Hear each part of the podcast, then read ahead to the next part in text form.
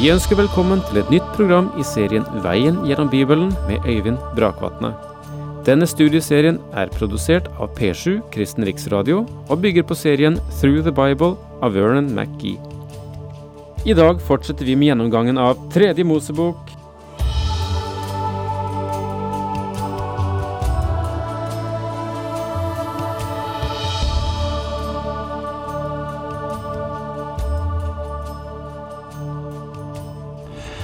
Jeg sa sist at dette 26. kapittel i Tredje Mosebok, som vi nå er inne i, er et fantastisk kapittel. Og jeg dristet meg til å si at uh, det er uh, en profetisk historie her som dekker hele Israels besittelse av løftets land frem til i dag, og gir også noen av premissene for hvordan de skal besitte det i fremtiden. Ehm, det er kanskje en noe dristig påstand, men ehm, for meg virker det slik. Ehm, forutsetningene for at de i hele tatt skal besitte landet, det nedfelles i de to første versene av eh, dette kapitlet, altså vers 1 og 2 i kapittel 26 i Tredje Mosebok og der det ble klart at forutsetningen er at de ikke skal gjøre seg noen avgud, de skal holde sabbaten, og de skal ha respekt for helligdommen. Det er tre forutsetninger som ligger til grunn for eh, besittelse av landet og de velsignelser som vil bli tilført folket. Og så går vi inn i neste del av kapittelet som omhandler løftet om velsignelse, fra vers 3 til og med 13. Og da leser vi fra vers 3 slik. Hvis dere lever etter mine forskrifter og gir akt på mine bud og holder dem, vil jeg sende dere regn i rett tid. Jorden skal gi grøde og trærne på marken frukt.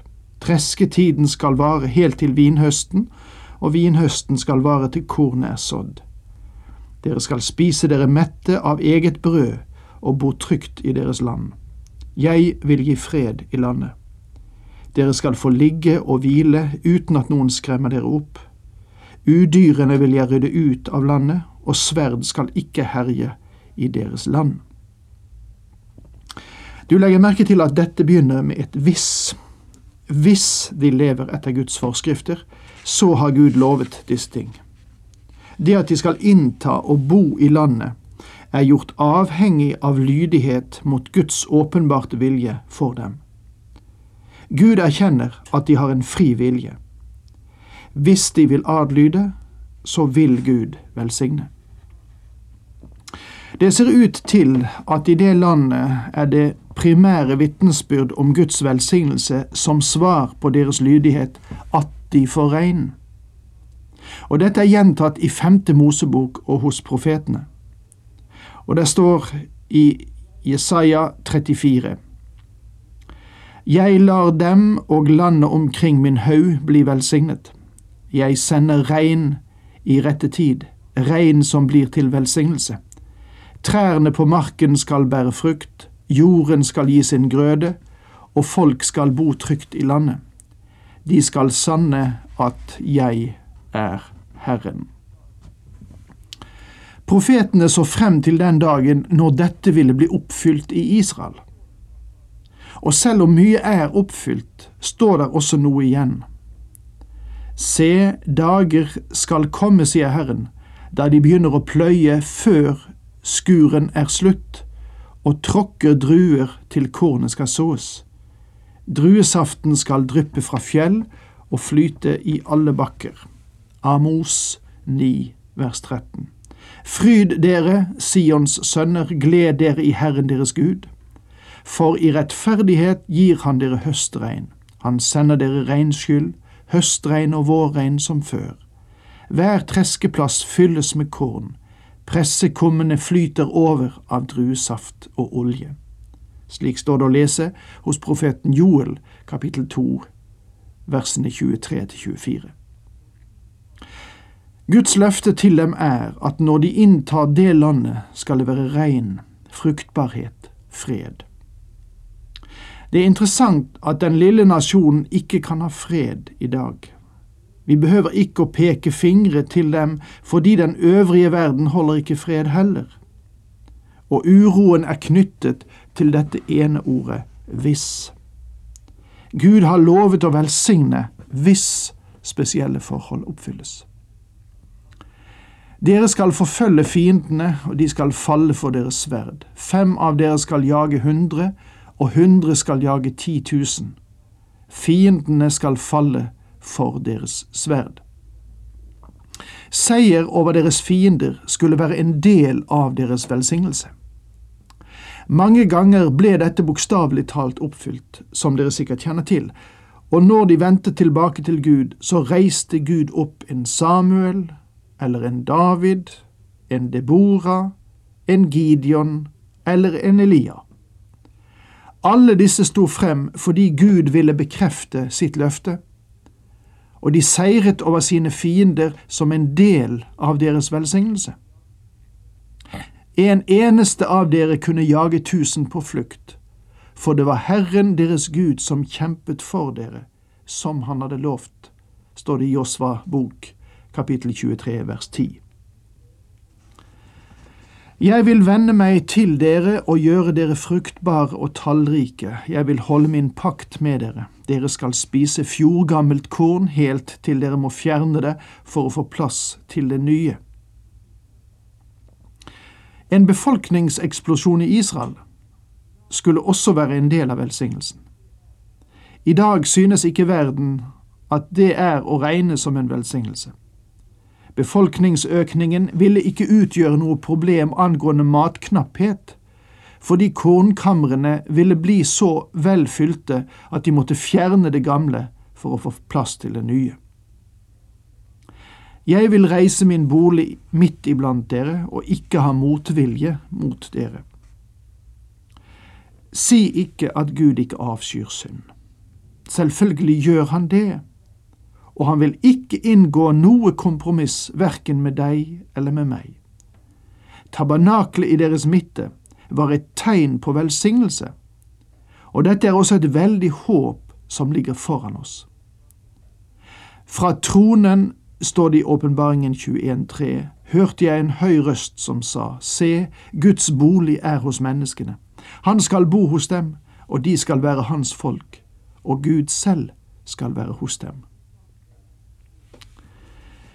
Midt iblant dere vil jeg vandre, jeg vil være deres Gud, og dere skal være mitt folk, står det i dette kapitlet her, tredje Mosebok 26, vers 12.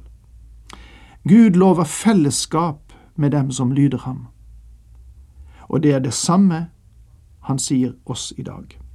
Men dersom vi vandrer i lyset, slik Han selv er i lyset, da har vi samfunn med hverandre, og Jesu, Hans Sønns blod, renser oss for all synd, skriver Johannes i sitt første brev, kapittel 1. Gud ønsker å ha fellesskap med oss. Hvordan kan Guds tempel og avgudenes forlikes?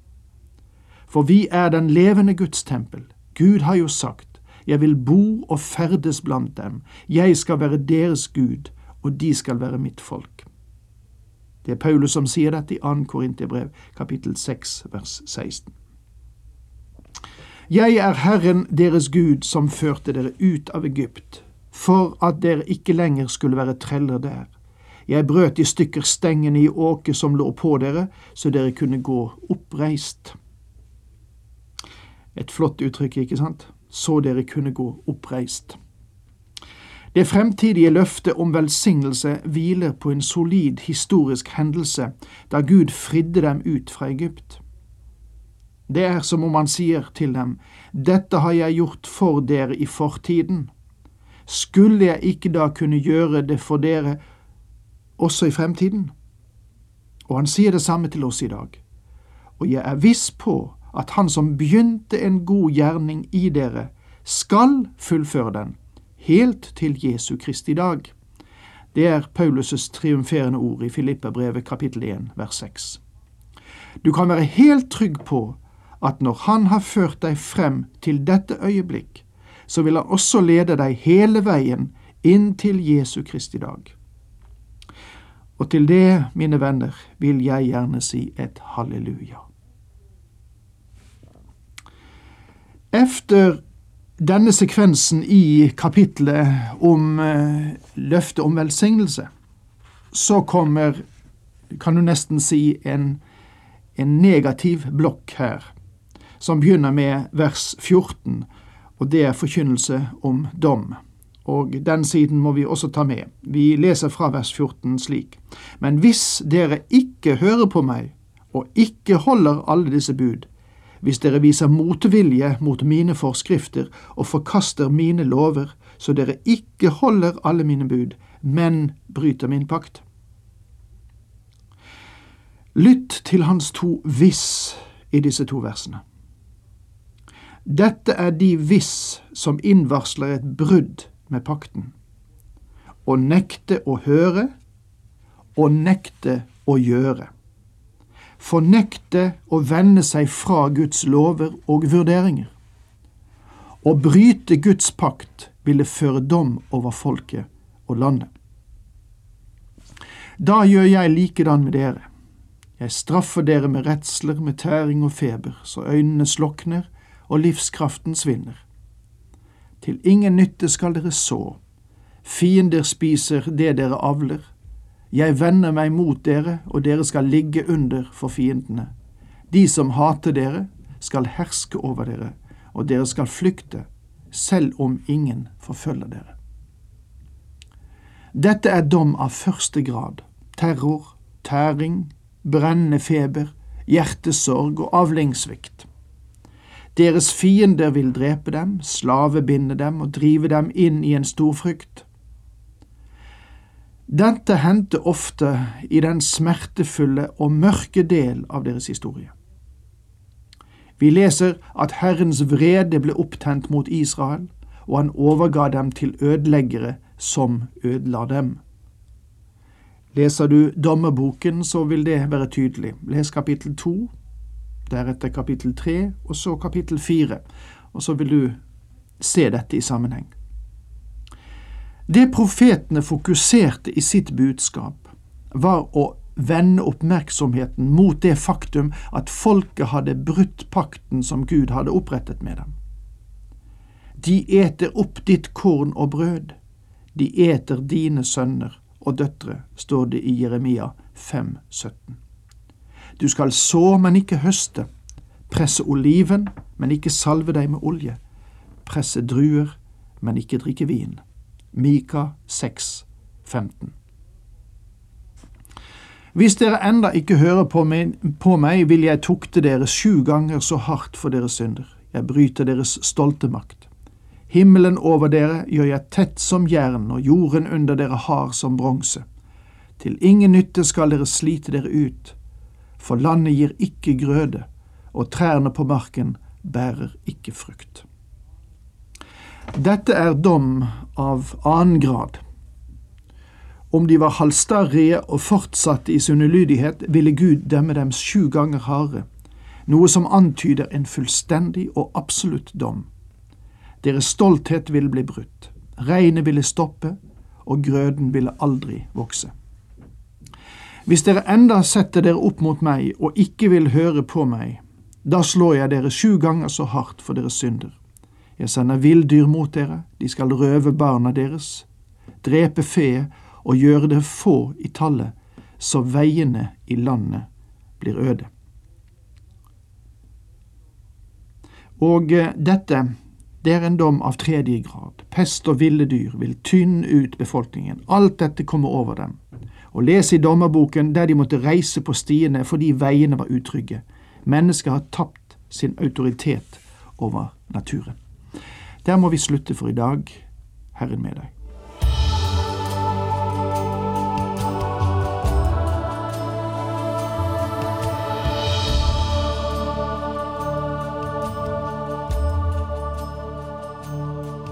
Du hørte Øyvind Brakvatne i studieserien Veien gjennom Bibelen.